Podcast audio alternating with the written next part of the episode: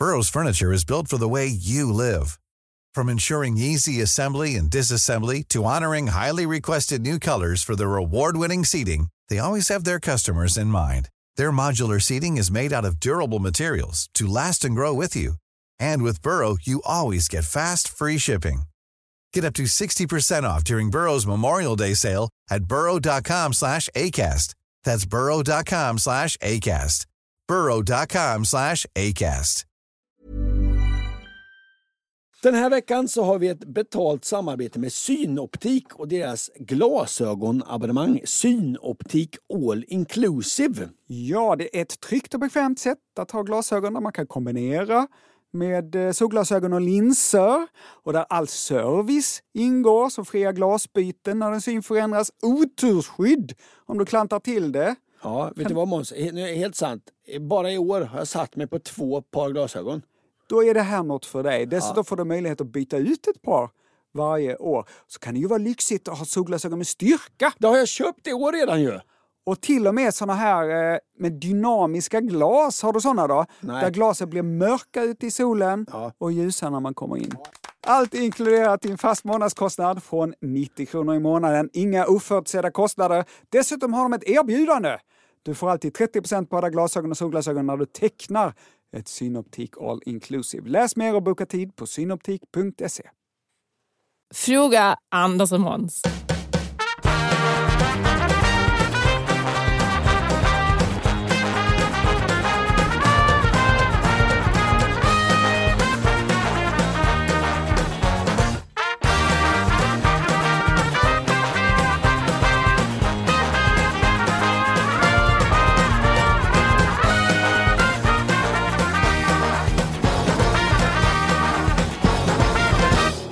Och hjärtinnerligt välkomna till eh, podden Fråga Anders Måns med Ankan Johansson och Måns Nilsson. Vilken stillsam inledning du öppnade upp med idag. Ja, jag kommer att vara så här stillsam hela avsnittet Ja, det tror jag inte den på. här gången. Ankan Nej. Johansson, Ja.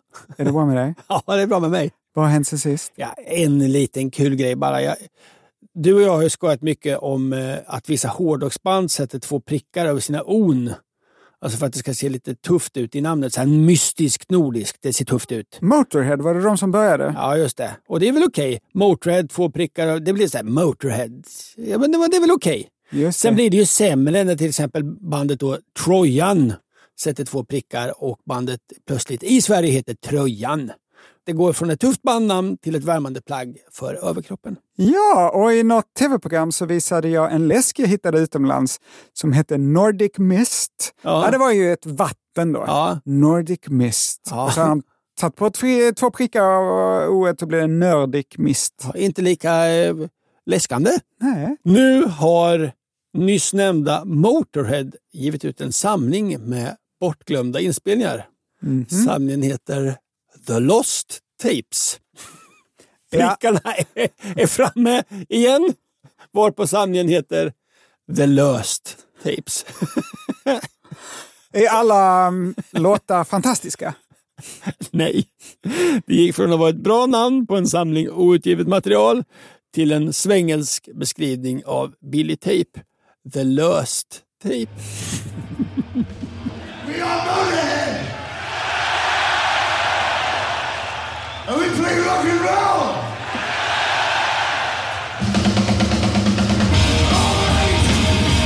Annars du Måns Nilsson. Du vet folk berättar ofta om när de eh, inte köpte en lägenhet.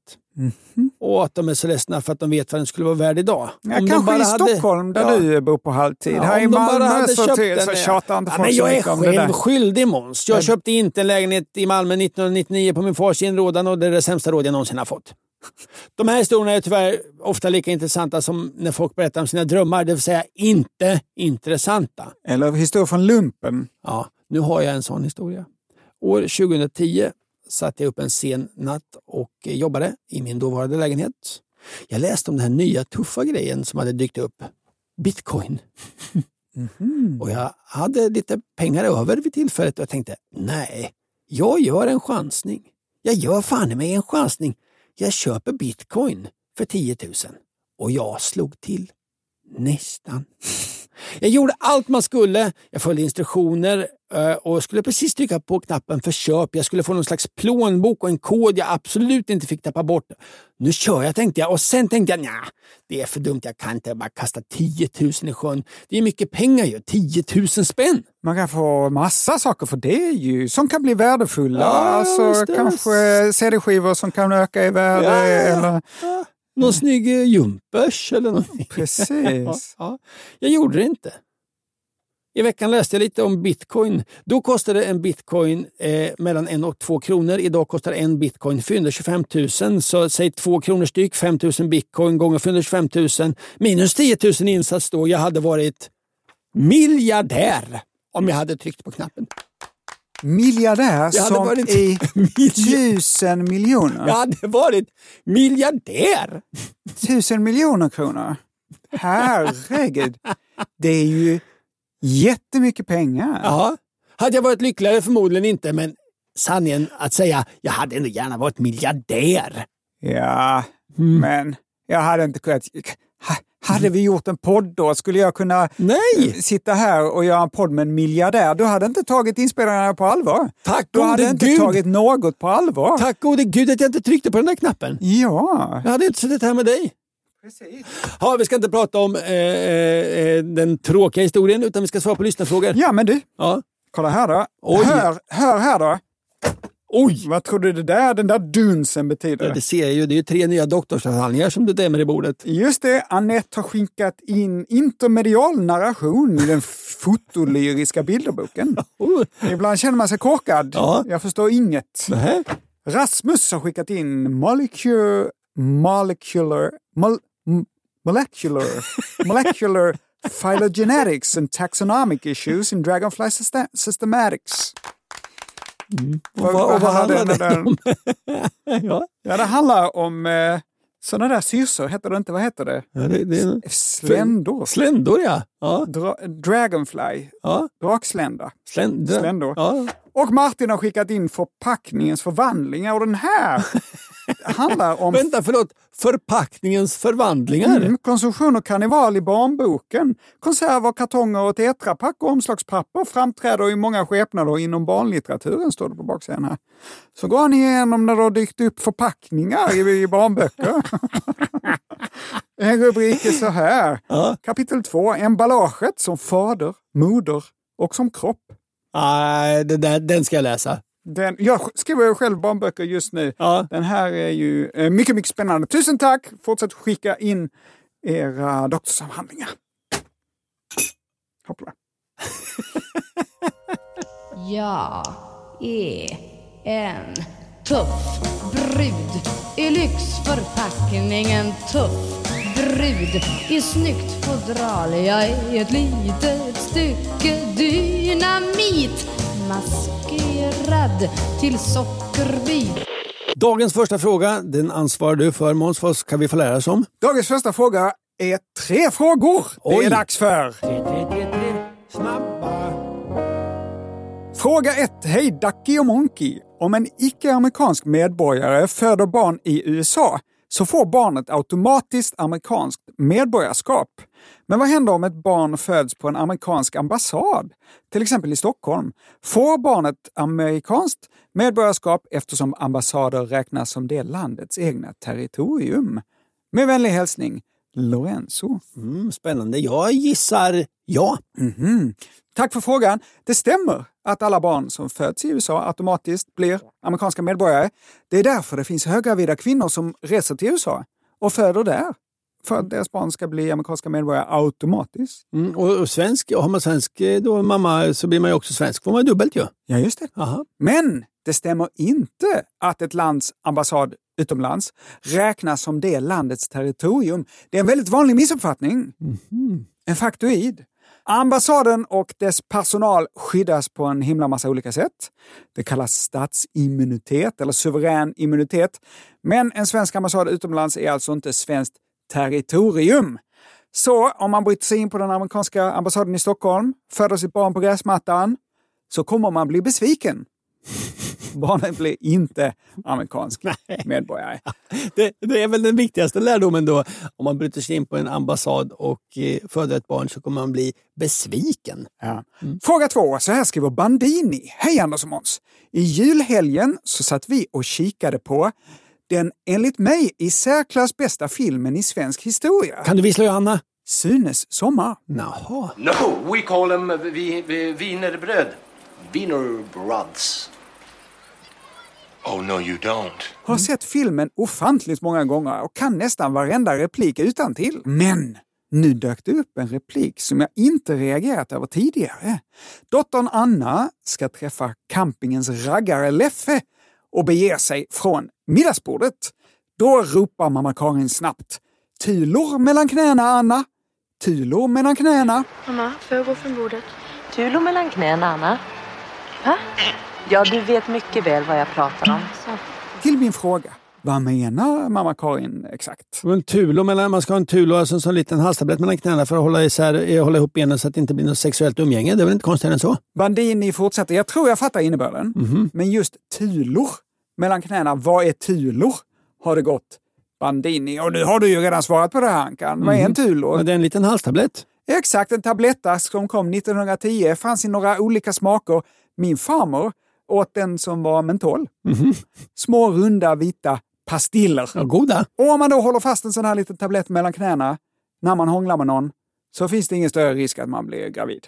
Nej. Så det kan vara så att Karin säger tulo mellan knäna och Anna och inte tulor mellan knäna och Anna. För att dubbelkolla så ringde jag till Stefan Apelgren som både skrev och regisserade den här Ja, filmen. det var han som gjorde det ja. Sunes sommar. Och mycket riktigt, han hade hört sin farmor säga det här någon gång när han var liten. Stefan Apelgren, regissören, menar att efter ett tag om man har den sån här tulo mellan knäna, så om den är mot huden så blir tabletten kladdig och nästan som ett klister mellan knäna. Ja, ja. Just det. Fråga tre. Stämmer det att hästen... Det var bra, det var bra bonusfakta. Om man har en halstablett mellan knäna blir den kladdig. Ja, men som ett klister mellan Jag knäna då att- kan man ju absolut inte bli gravid. Jag tycker både fr- fråga ett och två är väldigt bra i avseende bonusfakta. Om man föder barn på en gräsmatta på en ambassad blir man besviken och om man har halstablett mellan knäna blir den kladdig. Fråga tre. Hej! Stämmer det att hästen i filmatiseringen av Pippi Långstrump år 1969 dog på grund av förgiftning orsakad av den svarta färgen som användes till att måla de svarta prickarna på Vi hästen? känner ju hon som målade de svarta prickarna på hästen. What? Hon sydde eh, de där eh, dräkterna, du vet de här fiskarna vi hade i Cashkort-musikalen. Ja, de fiskarna var fantastiska. Ja, ja, ja. Hej Filippa!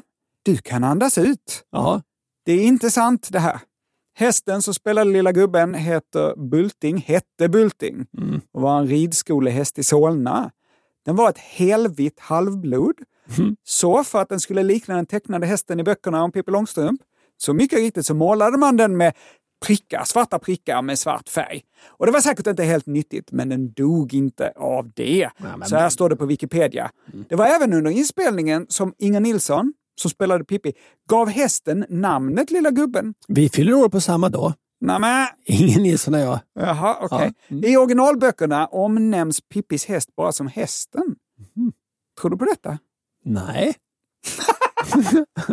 Jag har ingen aning, det står på Wikipedia, men jag vet inte om det är sant. Nej, att. Inger Nilsson skulle komma på Lilla gubben. Ja, ja ja. kanske. Ja. Det fortsätter så här på Wikipedia. När Bunting lämnade inspelningarna och återvände till ridskolan hade han förändrats. Så nu hade han blivit divig och därför en sämre ridskolehäst. Ja. Man kan tydligen inte vara divig som ridskolehäst. Nej. Nej.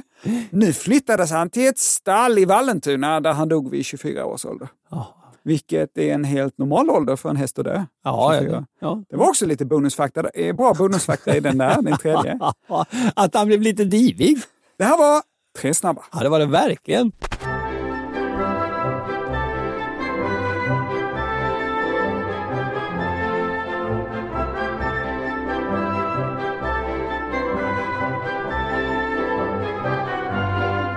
Nästa fråga kommer från Tobias, Iris, Vera och Edith. Hej Anders och Måns. Jag och mina barn undrar varför man så lätt glömmer det man har drömt. Även om man kommer ihåg det när man vaknat så slinker det liksom undan under morgonen och sen har man glömt nästan allt fram emot lunch eller så. Tack för en fantastisk podd. Med vänlig hälsning då Eh, Tobias, Iris, Vera och Edith. Och såklart har vi ju pratat, inte minst du Måns, om drömmar tidigare. Varför man drömmer, om det finns det lika många teorier som det finns sätt att förklara varför man inte kommer upp på morgonen. Och du har pratat om hur man ska göra för att komma ihåg just sina drömmar. Kanske till och med hur man kan göra för att styra sina drömmar. Och om jag inte minns fel så skulle man liksom tänka på sina drömmar innan man la sig och gärna skriva upp lite om sina drömmar eh, när man vaknade och så att säga lära sin kropp och sin hjärna att prioritera sina drömmar. Precis, man ska berätta för sin hjärna att jag vill komma ihåg eh, mina drömmar. Och sen så lära eh, hjärnan det då genom att aktivt försöka komma ihåg dem och kanske till och med skriva ner, eh, jag har en drömdagbok som du Anders och så vidare. Mm. Och vet du vad Måns? Efter du hade pratat om det så provade jag att ge mina drömmar lite extra uppmärksamhet. Och vet du vad? Det gjorde ingen skillnad. Om du tänker att du har en helt ny brun bil och så målar du om den i exakt samma bruna färg. Så stor skillnad blev det. Men varför glömmer vi våra drömmar då? Varför kommer inte hjärnan ihåg vad vi För har att det är så mycket skit. Varför ska... Och hjärnan prioriterar bort skit. Nej, nej. Det är inte, har inte hänt på riktigt det där. Men varför kommer vi inte ihåg vad... vad, vad alltså... Det sorteras inte in i långtidsminnet Ja. eftersom det inte är viktigt på riktigt. Nej, nej, det är inte riktigt sant Måns Nilsson. Eh, varför kommer vi inte ihåg? Alltså det är lite konstigt, minnet sitter ju i huvudet och Mm. huvudet pysslar med drömmar och sen bara skiter huvudet i vad det har pysslat med hela natten. Om vi säger Måns du att du hade, jag vill låtsas att du har syslöjd i vuxen ålder. Okej. Och en hel dag, du lägger en hel dag på att virka en grytlapp. Okej. Och sen plötsligt är du tvungen att gå till jobbet eller göra något annat som du måste. Då lägger du inte undan din grytlapp utan du bara, nej jag kastar den. Detta här är en liknelse, eller hur? Så, så gör hjärnan. hjärnan. Man kan ha drömt ihop världens bästa filmmanus. När morgonen kommer, ja, då kastar man det för att nästa natt börja om på ett helt nytt manus. Waste of effort säger jag. Ja. Varför då? Och du vet kanske det Måns, du har ju läst mycket om drömmar. Vad tror du? Varför kommer man inte ihåg ett skit? Och varför pyser det undan långsamt under dagen om man kanske kommer ihåg lite när man vaknar? Ja, jag tror helt enkelt att det är sådär att hjärnan måste prioritera och då väljer den att komma ihåg eh, omvälvande viktiga saker. Fel. Jag läser en, om en tio år gammal studie i tidningen Forskning och framsteg. På Neuroscience Research Center i Lyon, Frankrike, så har forskare mätt hjärnaktiviteten hos 41 personer. Hälften av dessa, och redan där blir jag tveksam, hälften av 41 personer. ja, nåväl, hälften av dessa 41 personer kom ofta ihåg sina drömmar, hälften oftast inte. Och nu blir det lite konstiga ord. Studien visar att de som mindes sina drömmar hade starkare hjärnaktivitet i två områden som förbinder tinninggloben och paretialloben. Och de här har hand om och de här har hand om och processar yttre och inre stimuli. Och ett av de här områdena har då ökad aktivitet, det så kallade temporoparitalområdet. Det är VM i svåruttalade glober i huvudet här. Temporoparitalområdet. Och det här svåruttalade hjärnområdet ökar känsligheten för intryck utifrån. Vilket förklarar varför de som ofta minns sina drömmar lättare vaknar till när de sover. Alltså, du ska sammanfatta här. Okej, alltså. Ja. Hittills alltså. De som vaknar till lite oftare under natten Ja. minns sina drömmar bättre. För mig stämmer detta. Jag sover djupt och minns aldrig mina drömmar.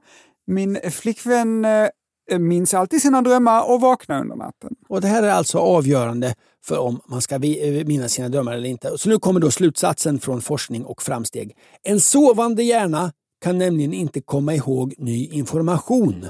Den behöver vakna för att kunna göra det. Alltså, hjärnan när den sover kan inte komma ihåg grejer. Vissa vaknar lite ofta, om än lite, och då har hjärnan en chans att liksom spara lite information. Ah, de savear några gånger under natten. Ja, de som sover som en stock som du Måns, de minns inte ett skit. De så att säga kastar sitt handarbete, sin virkade grytlapp. Skriver de så i forskning och?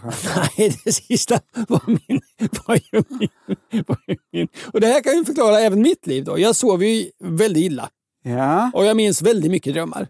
Ibland sover jag inte alls och då måste jag ta en sömntablett och då sover jag som en bit ek på ett köksbord och då minns jag inte ett skit. Då kastar jag hela grytlappen med morgontoaletten. Mm. Men sen var det ju det här Måns. Hade Men- du hellre Mm. sovit djupt och bra och inte kommit ihåg dina drömmar? Eller hellre, som nu, sovit super, super dåligt hela natten och vaknat hela tiden och knappt sovit och kommit ihåg dina drömmar. Vill du helst äta en bit grus eller vill du helst äta en god bit glass? Glass. Ja, precis. Men sen var det ju det här med att man ibland liksom minns en dröm när man vaknar. Men sen när morgonen kommer så då, kommer, då bara liksom vaporiseras den och försvinner ut ur huvudet. Ja, men det handlar om man vaknar mitt i drömmen och om man, vilken typ av drömstadie man är i. Om Men känner du igen det här Måns? Ja. Ibland när du vaknar Ja. så har du en tydlig bild och sen bara lite senare, vad var det? Då har det försvunnit. Ja, men så är det väl med Ja. alla intryck. Jag glömmer ju saker hela tiden. Jag menar, om jag eh, eh, köper ett paket eh, pepparkakor, 22 kronor. Några timmar senare kommer jag väl inte ihåg hur mycket de pepparkakorna kostade. Nej, men det är inte hela förklaringen. Tom Adrillon är hjärnforskare i Melbourne. Han kanske är André. En fransos i Melbourne. Andrhelion. Thomas Andrhelion. Ah, alltså en belgare.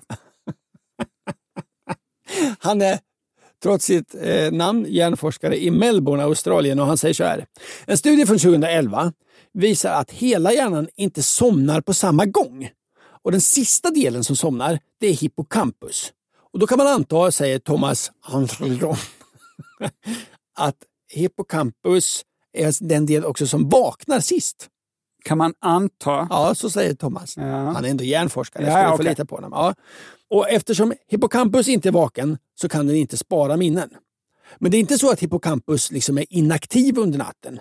Eh, Utan den jobbar under natten med att skicka minnen till, eh, från dagen till långtidsminnet. Mm, mm. Sånt som har hänt under dagen, det sparar den. Men det här är en envägskommunikation. Jaha. Så den tar inte in någonting nytt utan på natten jobbar hippocampus med att skicka minnena till, till liksom långtidsförvaringen. Jag förstår. Under natten så sorteras dagens intryck upp Mm. och ehm, man kan säga arkiveras på rätt ställen. Mm. Men eh, arkivet kan inte skicka något tillbaka då med rörpost eller, eller dylikt eh, till det här arbetsminnet. Då. Nej, alltså det är en, envägs, en hjärna som sover kan inte spara information. Den kan inte spara nya intryck. Bara sortera upp den. Ja. Och när vi vaknar då så behöver hjärnan cirka två minuter på sig för att komma igång med att ta emot ny information. Så att när du vaknar ska du komma ihåg och du minns din dröm. Men det är två minuter sen när de här minuterna har gått, så då är, då, det, det fanns ingen sparfunktion igång då. Okej, så om man vaknar och någon säger glöm inte det här, det här är superviktigt. Och så säger jag något och så... eh, Mm. Ja, det är lätt hänt att det försvinner då. Ja. Om jag väcker dig mitt i natten Anders, här är dina siffror till ditt bitcoinkonto, glöm det absolut inte. Nej, då kommer jag kanske eh, efter så här, eh, så, här, så här 15 år senare säga, varför sa du det när hippocampus inte hade kommit igång? hade jag sagt då. Ja, rättligt. Ja. Men sen, Måns, så ska jag ge dig lite rätt. Sen berättar den här hjärnforskaren en tredje grej, en tredje anledning. Och, om jag ska exemplifiera då Måns, om, om, eh, i morse borstade du tänderna va? Mm, eller tog jag bara tuggummi? Ja. I samband med att du tog ditt tuggummi, vad tänkte du på då?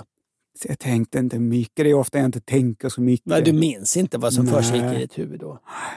Det är så. Vi tänker hit och dit och det mesta, det mesta bara glömmer vi bort. Och det Ja. är precis som du säger, hjärnan sorterar ut det som är viktigt. Och kanske är det då samma sak, säger Thomas, med drömmar. Det var inte så viktigt det där vi drömde. Hjärnan sorterar bort det. Och det är ju en grej för folk som berättar sina drömmar att just lägga på minnet. Det är nog inte så intressant.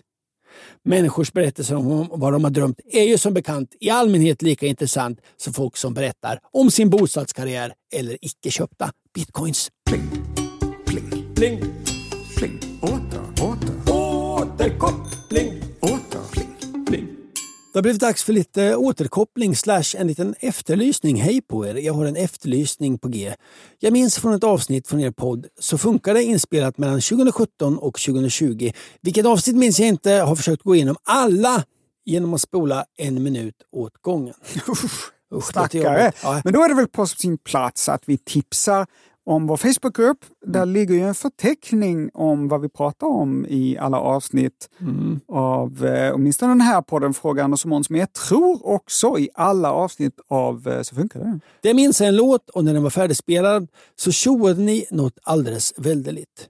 Minns också att den var väldigt svängig, svängig och rivig och att den hade ett väldigt roligt rim i låten. Det låter som någon 70-tals dansbandslåt. Jag tror inte att den finns, fanns på Spotify, men jag vet att den fanns på Youtube. Har för mig att ni spelar låten rätt länge, men jag är också osäker. Ja, Vore tacksam om ni har någon lyssnare som kan gräva fram den i arkivet. Allt gott Johan? Ja, men den här beskrivningen är alltför generisk. Det finns Ja. inte en chans. Ett litet roligt rim. Jag kom genast att tänka på den här. Lilla söta Sara i Sahara Jag låter alla andra flickor vara Om du blir min så blir jag Om du blir min så blir jag din beduin. Ja, det är ett roligt rim. Ja, Chris Kents klassiska lilla söta Sara. Men sen dök det upp ett annat brev i vår inkorg. Jaha. Samma Johan. Nu, efter en andra omgång har jag gått igenom alla gamla avsnitt, hittade jag låten. Den jag tänkte på var Max Fenders låt Greta, så ska vi ha det. Och rimmet jag tänkte på var skattepolitik och erotik. Tack för all hjälp! Du fick ju ingen. Om ni nu vill glädja mig ytterligare får ni gärna spela denna låt lite mer i fortsättningen och kanske avsluta varje avsnitt med den. Nej. Eller nej, men, men, men ta den om inte annat vid passande tillfälle. Med vänlig hälsning Johan Lundberg. Och efter all din ansträngning Johan, här kommer den. Så ska vi ha det Greta, det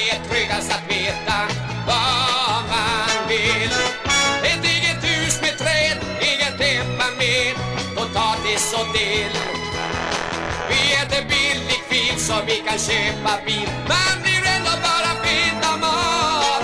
Utan vi kan vi ha Men Greta så ska vi ha. Många kärlekslåtar. Är ju väldigt optimistiska och visionära. Den här har ju lite annat stuk, den är mer realistisk. Och det är väl bra? Ja. Och det vill man ha med sig att man, det är inte så viktigt, man blir ändå bara fet av mat. Där kan man spara in så att man har råd att köpa kyl och frys. Ja, sval och kyl och frys till och med. Ja, det är sant. Det är sant. Återkoppling. Vi fortsätter med återkoppling. Eva har skrivit till oss. fel, fel, fel. Nej! Ull är varmt. Basta. Och så här skriver Simon. hej, hej! Återkoppling angående frågan kring hur folk var kallt klädda förr. Har inte koll på historiska kläder, men hyfsad koll på funktionen i olika material vid uteliv. Anders menade att man hellre skulle välja fleece och Gore-Tex än stickad ull. I beg to differ. För det första är ett ullplagg grymt att ha nära kroppen eftersom det är oslagbart bra på att fortsätta värma även om det blir någorlunda fuktigt. Vare sig fukten kommer utifrån eller ännu viktigare, inifrån.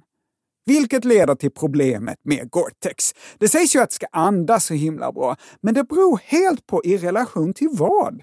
I jämförelse med typ galon eller sopsäck så andas det såklart bra, men jämfört med ull och bomull andas det uselt.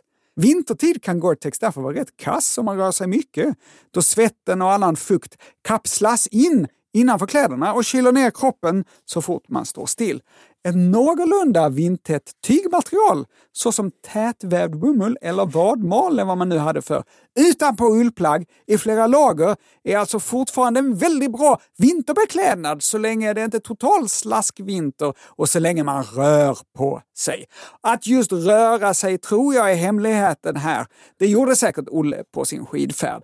Sen blir det givetvis lite kallt om man bara har stickad ull och det blåser kallt, men det misstänker jag att man hade koll på även förr i tiden. När är fleece och Gore-Tex bra då? Jo, kanske om det är väldigt blåsigt eller blött och om man fortfarande har ull eller möjligtvis något annat bra syntetunderställ närmast kroppen och något ytterligare värmande lager att dra på vid stillastående. För bara fleece och Gore-Tex är nog aldrig särskilt bra. Ha det gött! Blåbärskött Simon. Det var en liten föreläsning, TED, Simons TED-talk Ja, man, om man, Gore-Tex man får vara ull. försiktig vad man säger om ull. Ja, snacka Ja. inte skit om ull. Nej, nej, nej. nej. Då blir det fel, fel, fel. Ja. Ull är Men när man åker varmt. slalom, då blåser det ju på en. Då blåser det på. Ja, för man åker ner. Det blir ju, även om det är vindstilla blåser det på en. Ja. Då har jag alltid ull Du har ullfrotté underst och Gore-Tex utanpå. Ja, men det Precis som Johan säger. Simon. Ja, menar Precis, jag. ja, men det hade nog Simon eh, tyckt var helt okej. Så att där Simon får jag väl lite beröm i alla fall. Skriv igen Simon. Ja. Jag får ta ett extra knäck för kyl och sval och frys. Och vad gäller sex och erotik Jag har fastnat för en fråga ifrån Lisa. Så här skriver hon. Hej på er och tack för en toppenpodd. Jag har lagt märke till ett fenomen i min omgivning som jag hoppas att ni kan hitta en förklaring till. Av de heterosexuella par jag känner, där mannen och kvinnan kommer från olika ställen, så bor majoriteten i mannens hemtrakter. Jag har försökt komma på så många par som möjligt och är nu uppe i tre par som bor närmast kvinnans hemort och hela 14 par som bor närmast mannens hemort. Jag är själv kvinna och gift med en man i vars hemstad vi bor. Är det här bara en slump? Eller är det faktiskt vanligare att man bor där mannen kommer ifrån? Och i så fall varför? Är det en outtalad norm? Är kvinnor mer flexibla? Eller är männens ursprungsfamiljer trevligare så att man hellre vill bo nära dem? Hoppas ni kan reda ut det här. Med vänlig hälsning Lisa. Tusen tack för den spännande frågan. Mm, och den här frågan läste jag i natt Ja, och tänkte, oj vilken bra fråga. Det kan jag aldrig hitta svaret på. ja där är vi olika Ankan. Jag tänkte den här kan jag hitta svaret på. Ja. Känner du igen det här? Hur ser det ut bland dina vänner? Nej, eh, nej, jag känner inte igen det här. Nej. Men tänk på några vänner då. Ja, ja. Och så om, eh, Ja, men alla mina gamla vänner, de har nej. Jo, nej. Jag har ett par, där bor de i kvinnans hemstad. ja. Och ett annat par. Du känner bara ett par? Du kommer bara på ett enda par i din bekantskapskrets? Ja, du bor ju liksom...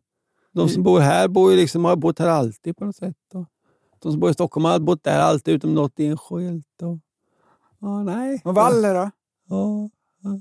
han bor ju också där. Här. Ja, men hans fru! Ja, hon får Uppsala. Så hon har flyttat långt. Ja, Är det så att de i det fallet bor närmare mannens Ja, hemtrakter då är det än hennes? 1-1 ett, ett i par jag kommer på. Ett, ett i par. Som jag kommer på. Ja. Mm. Tack för hjälpen Anders. Svaret på Lisas fråga är att kvinnor i genomsnitt bor längre ifrån sina hemtrakter än män. Jaha. Och det kanske låter lite konstigt. Nej. Men jag ska förklara. Varför tycker du inte det låter konstigt, Anders? Ja, men men, tra- Okej, Eh, det gamla sättet är att männen har bestämt. Mhm. Alltså det, så har det ju varit genom historien, tyvärr. Männen har bestämt och männen kanske känner till sin hemort och då bestämmer de att de ska flytta hem. Mm. Det är absolut inte av den anledningen. Nej, nej, men det var en hyfsad teori. Ja. I SCBs statistik så läser jag att män flyttar något oftare än kvinnor. Alltså bara något. År 2022 flyttade Sveriges män 781 344 gånger. Om vi låtsas att de flyttade max en gång per person så flyttade hela 15 procent av alla svenska män en gång det året. När det gäller kvinnor så flyttade 14 procent 753 583 gånger. Ja, alltså män flyttar mer än kvinnor, det är slutsatsen. Oftare, precis. Men Jaha. kvinnor flyttar längre. Jaha. Och framförallt så beror det här på att fler kvinnor än män skaffar sig högre utbildning och därför flyttar till universitetsstäder och till storstäder. Men flyttar de då till en stad där de träffar sin man? Är det det som är principen? En random man, en random kvinna Ja. som du eh, tar, Ja. så i genomsnitt kommer kvinnan befinna sig längre ifrån sin hemstad. Mm. För de har flyttat längre. Mm. Och när en random man och en random kvinna blir ihop Mm. så finns det ju stor chans, risk att de beslutar sig för att bo där de redan bor, där de träffades, eller hur? Mm. Är du med mig? Den här bilden av landsbygden, att kvinnor flyttar medan männen blir kvar, den är till viss del sann. Ja, alltså, ja. Och det innebär ju att när en man och kvinna träffas, var som helst och när som helst, så är det i genomsnitt så att kvinnan bor längre hemifrån än mannen. Hänger du med på detta? Absolut, absolut. Så det är logiskt att fler heterosexuella par bor närmare mannens familj än kvinnans. Men Det förklarar inte den här enorma skillnaden som Lisa har sett. Nej. Tre par respektive 14 par. Om du som lyssnar vet andra orsaker som skulle kunna förklara Lisas iakttagelse eller har du själv helt andra erfarenheter? Så skriv till fråga snabel andersochmans.se. Frågan om vi ska ha barn beror på analys.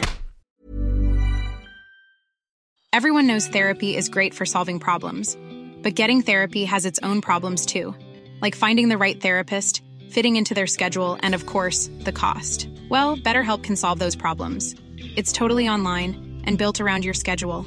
It's surprisingly affordable too. Connect with a credentialed therapist by phone, video, or online chat, all from the comfort of your home. Visit betterhelp.com to learn more and save 10% on your first month. That's BetterHelp H E L P. Here's a cool fact a crocodile can't stick out its tongue. Another cool fact you can get short term health insurance for a month or just under a year in some states.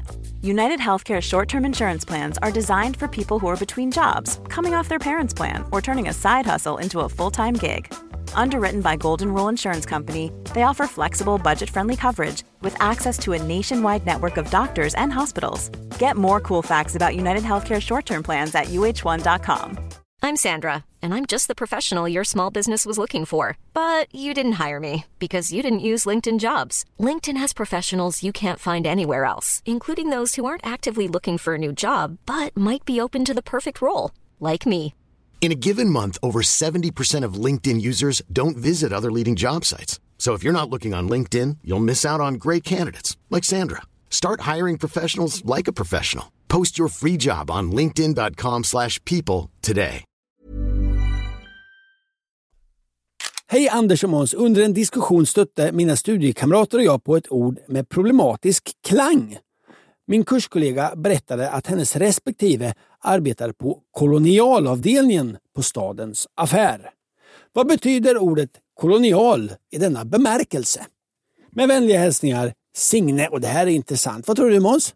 Kolonialvaror? Ja, då tror jag att det är varor som kommer från klassiska brittiska kolonier, Indien eh, med flera länder. Mm. Först och främst, vad är då kolonialvaror? Vi ska leka leken för att lära oss vad är en kolonialvara? Mm. Jag kommer säga fem saker du kan hitta i en matvarubutik och Ja. du ska säga Måns vilka som inte är kolonialvaror. Ja, jag kommer gå på om det är en exotisk vara eller Mm, inte en okej. exotisk Låt vara. oss köra. Ja. Du säger bara ja eller nej. Mhm. Kaffe? Det tror jag är en exotisk vara. Men var det därför- ett ja eller nej? Ja, Mm. det är en kolonialvara. Ketchup? Nej. Socker? Ja. Konserver? Nej. Dressing? Dressing tror jag inte är en kolonialvara. Och det var en luring Måns, det var en kuggis. Alla fem var kolonialvaror. Jaha. Men inte kan ketchup... Vad fan är kolonialvaror? Ja, om man söker på ordet kolonialvaror får man veta att det är typ torra varor. Alltså sånt som inte ska vara kallt eller fryst. Sånt man har i skåp. Typ så. Ja, skafferivaror. Ja, men ja, det är inte helt sant. Jag hittade en artikel i Västerbotten-Kuriren av en idéhistoriker som heter Christer. Och han undrar varför kallas saker koloniala? Och det har mycket riktigt med kolonialis kolonia, kolonialismen att göra. Koloskopi. Nej, kolonialismen. Från cirka 1500 till 1800-talet. Rasism. Europeer tyckte att vi tillhörde en bättre religion, en högre civilisation. Att vi hade legitim rätt att ställa oss över andra folkgrupper, utnyttja deras arbetskraft, naturresurser, tjäna pengar och mörda. Det var vidrigt. Mhm. Även Sverige hade en koloni. Absolut, den har jag glömt. Den lilla, lilla ön. Santa Bartolomeus, vad heter den? Kanske. Ja, minns. Så. Det var ett- Skriv till fråga snabel ett, ett ord som dök upp. Ja. Varor från kolonierna fraktades till Europa, däribland då kryddor, kaffe, kakao. Och då fick då detta under 1800-talet beteckningen kolonialvaror. Och när ICA och Coop och sådana andra eh, vatvarukedjor etablerades i början på matvarukedjor etablerades i början på 1900-talet, då var fortfarande det här uttrycket inte kontroversiellt kolonial. Nej men alltså vadå, saker kan väl få heta ett namn, även om man hatar fenomenet, Mm. att, folk har, eh, att länder har kolonier, så kan väl mat få heta kolonialvaror, eller? Eh, sen Är det de- ett, är det ett K-ordet? Är det ett eh, ord som man inte ska använda Nej, jag vet inte. Så här skriver Christer i Västerbotten-Kuriren. Mot denna bakgrund och denna negativa laddning som begreppet har idag så har jag svårt att förstå varför ICA och Coop fortsätter att klassificera varor som koloniala. Rimligen gagnar det inte deras varumärken, ryter han till. Okej. Mm. Andra ord har man ju ändrat. När man fattat att det här ordet var inte så bra. Ja. Klassikern är ju en ordet. Mm. Det säger vi ju inte. Folk som hävdar att jo, man får kalla chokladbollar för något annat för det gjorde man när jag var liten. De kan, De kan dra åt helvete. ja, gå och lägga sig. Ja. Ja, stoppa upp sig själva i röven. Men man har bytt andra ord. Efter efterkrigstiden då eh, slutade marknadsföringsavdelningar att heta propagandaavdelningar. Ja, ja. Det klingade ju inte så snyggt längre. Nej. Dessutom så är det här ett missvisande ord. Kolonialvaror är, är inte bara varor som kommer från tidigare kolonier. Det är ju massa andra saker. Torkade alger, ketchup och sånt. Just det. Ah, det känns ju bara som att det är ett dåligt eh, begrepp. Det är dåligt... Det är vi, rörigt. Ja, vi byter. Ja. Vi slutar säga det och så säger vi torra varor. Skafferivaror heter det nu. Ja, skåpvaror. Skåpvaror. Kanon. Exakt. Klubbat och klart. Torrvaror respektive blötvaror. Det är så vi delar in vår mat. Ja, vi har fyra. Det är en axel, sån här X, X-axel. Jaha. Ja, eh, varmvaror, kallvaror, Ja, det är sånt här diagram, du vet. Ja, torrvaror, nej, alltså torrvaror, fuktvaror, varmvaror, kallvaror. En gång till. Torrvaror, fuktvaror, varmvaror, kallvaror. Super. Ja. Sen, nu säger jag något till dig då. Ja. och sen, vet du vad man kan göra? Nej. Man kan bygga, man tar en fyrkantig butik och så tänker man att den är ett kryss. Ja. Och så sorterar man varorna i butiken efter axeln. Såklart, så vet såklart. jag, okej jag ska köpa något. Jag har också eh, en till. Färskvaror och frysvaror. Mm. Jag ska köpa något kallt, Ja. torrt. Ja. Ja, det, Då vet man att allt är det där. då vet jag vilket hörn i butiken jag ska bege mig. Ja, det är lite så butiker funkar redan. Om du vill ha en skafferivara, en torrvara, En skåpvara. en skåpvara, då finns det på eh, de här hyllorna med, med pasta och, Ja, ja, ja. och så finns det, eller på eh, Ja, med mjöl Men det och kanske är så att, och att om vi har den här axeln att, att eh, fuktvaror, det är längst ner, jaha, då, ska, då, ska, då är det längst ut i butiken kanske. Då. Ja, ja, du vill dela, ut på, dela upp det på det sättet istället. Så hittar man. Så eh, till exempel frysvaror kommer vara utspridda över hela butiken från och med nu. Ja. För att det är inte så vi delar upp dem längre i frysvaror och färskvaror. Nej. Nu är det blötvaror, fuktvaror som vi också heter, Torrvaror, eller torrvaror, varmvaror och kallvaror. kallvaror. Ja, Mm. Det här blir bra radio.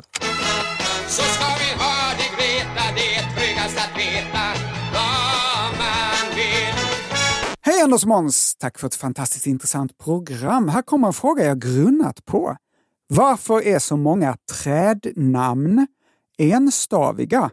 Vänliga hälsningar, Erik i Upplands Väsby. Mm. Ek, bok, säl, Säl. sälj. Eh, eh, För säl är inte ett träd. al, asp. Nej, mycket olika. Har du tänkt på det här Bok. tidigare? Det verkar stämma, ja. Ja. Eller hur? Har du tänkt på det innan? Nej. Tall, björk, gran, ek, al, alm, ask, bok, en. Det verkar stämma. Och de är inte bara enstaviga. Mm. De är catchy. Mm. Tall. Det ligger bra på tungan. Mm. Tall. Jag har letat efter svar på denna fråga. Mhm. Erik i Upplands Väsbys fråga utan att lyckas. Så här kommer gissningar från min sida. Ja, jag älskar detta. Får jag skjuta dem i sank? Mm. Hemskt gärna. Mm. Jag tror att träd har lyxiga enstaviga namn eftersom de har funnits så länge och varit viktiga för oss. Anders, Mm. vad är viktigast i livet för människan när hon uppfann det talade språket? Mat. Det är ett enstavigt ord. Sex. Mm. Skog. Skog var viktigt för människan förr i tiden. Bär. Bär. Ja. Jag ser redan ett mönster. Ja. Mm. Ja. Kottar var inte lika viktigt. Kottar var inte lika viktigt, för då kunde man inte äta. Här kommer några som jag tror var viktigt. Ja. Hus Ja. var viktigt. Båt. Båt var viktigt. Eld var viktigt. Ja. Kött, sill, salt, ved. Älg. Älg, ja! Ja, absolut. Kanske var lite viktigt. Absolut, du har rätt. Ja, min teori är att de första ord vi skapade var enstaviga. Lök, säd, råg, korn, hund, häst, mus, ko, gris, fisk, tall, Ja, ek. också, nu låter det bara som en kiss, bajs. Alltså, Ja, det ja, ja. närvarande. Precis. Och sen, när de enstaviga orden tog slut, Mm. då började vi skapa ord eh, som ecklesiastikminister och sånt. Mm. Silvergran. ja, men det, det, Ja. När granen fanns var det bara gran. Ja. Men sen Och så kom det den här eh, silvriga granen och då var namnet gran redan upptaget. Då fick det heta ett restavigt namn. Precis. Och förr i tiden det var mer bråttom att namnge de saker runt omkring oss som var viktiga för oss än allt annat. Då. Örtväxter var viktiga för oss tidigt. Blommor har funnits lika länge men de var aldrig viktiga för oss. Därför har kryddor enstaviga namn. Dill, flox och lin. Men annars kan du komma på en enda blomma som är enstavig. Ros. Ja, okej då. Men blommor heter saker som påsklilja, prärieklocka och krysantemum. Tusen stavelser. Men svamp då?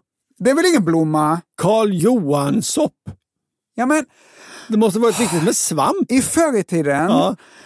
tror du då att vi finlirade sådär? Eller tror du vi sa gå, ta, svamp? Eller tror du här, här är du, kan du promenera bort eh, i dungen och hämta Karl Johan svamp? Vilket tror du man sa?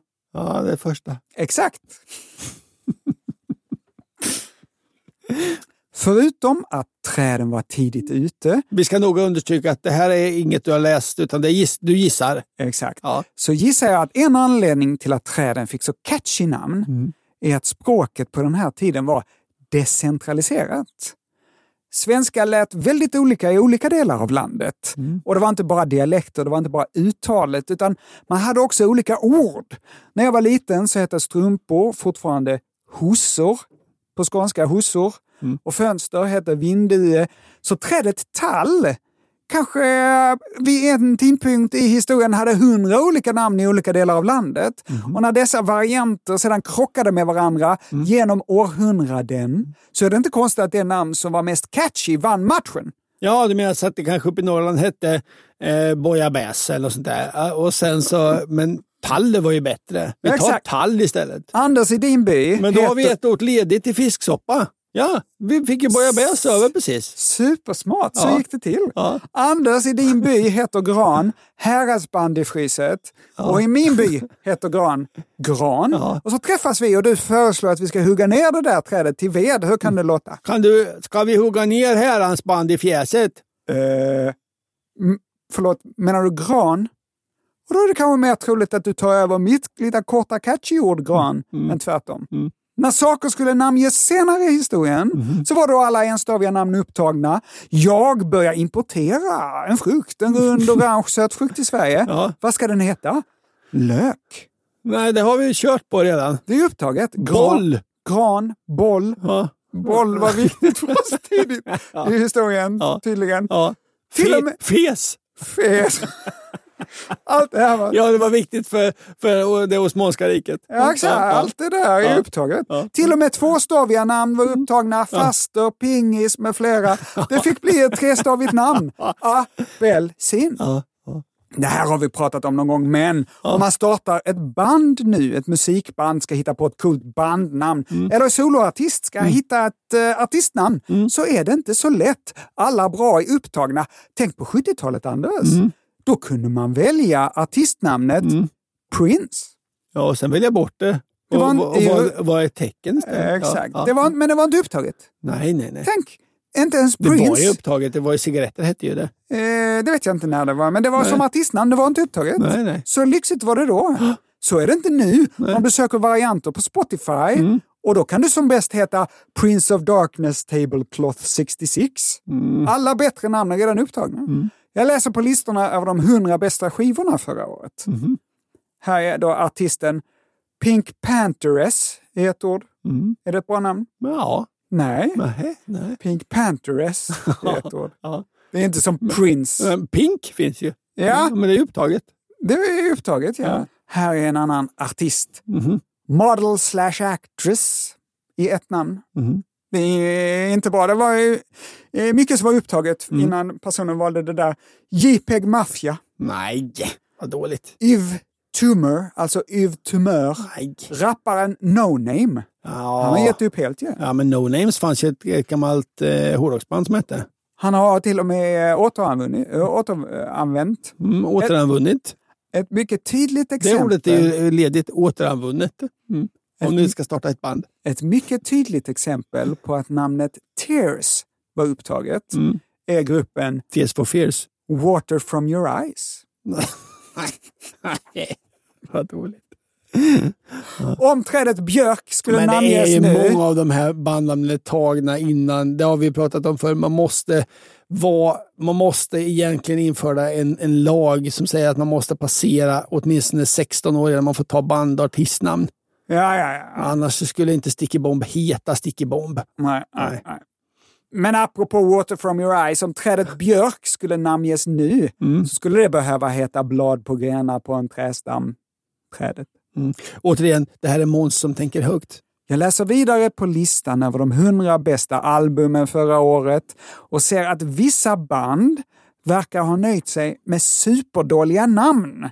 Så dåliga att ingen någonsin i historien har velat ha dem, bara för att kunna få ett kort bandnamn som går att komma ihåg.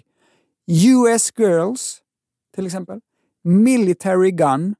Det heter man ju inte om, om Gun finns ledigt. Nej. En koreansk tjejgrupp som heter New Jeans. Nya jeans? Ja. ja. Men, vad, s- släppte Nya jeans en, ett, en av årets f- f- 100 bästa plattor? Ja. för? Nya jeans. Ja, ja. Jag var ju i Korea nyligen och var superstora. Inte lika stora som Blackpink såklart. Men New Jeans var stora. Ja, nya jeans. För att sammanfatta, brevskrivaren Erik. Träd är som Prince. De har funnits så länge att de fick välja först. Och då var alla namn lediga. Och då är det klart att de valde en staviga catchy namn. Om trädet Ek skulle namnges nu så hade det fått heta JPEG Mafia, gissar jag. Tack och godnatt. Det var ett väldigt bra svar. Det var allt vi hade att bjuda på den här veckan. Nu Måns, så ska du och jag ta lite semester. Ja, vi har jobbat hela julen, hela nyår. Vi ska vara någon vecka ledig nu. Mm, men vi kommer att lägga ut ljud med oss. Mm. Det Gamla kanske- reprisprogram som vi tyckte var extra roliga. Ja, och vi hoppas att ni ska njuta av dem och eh, rekapitulera fakta för Precis. repetition. Är som bekant all kunskapsmoder. Och så är vi tillbaks alldeles strax med nya fräscha program. Ja, några veckor går ju så fort. Ja, ja. Tyvärr när man ska vara ledig. Ja. Men bra om man ser fram emot nya avsnitt Ja. av Frågepodden. Vi behöver Frågan inte förklara, utan vi hörs igen snart. Ta hand om er och hej då. Puss och kram.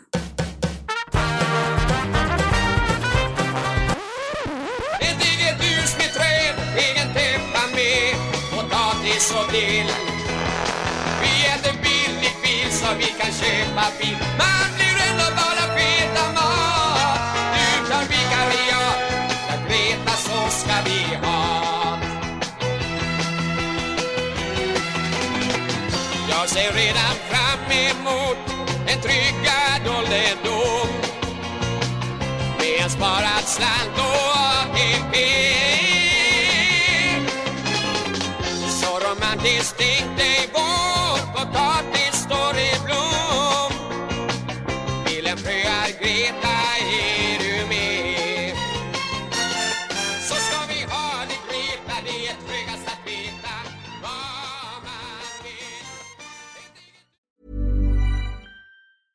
Even when we're on a budget, we still deserve nice things.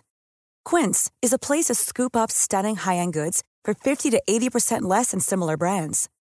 They have buttery soft cashmere sweaters starting at $50, luxurious Italian leather bags, and so much more. Plus, Quince only works with factories that use safe, ethical, and responsible manufacturing.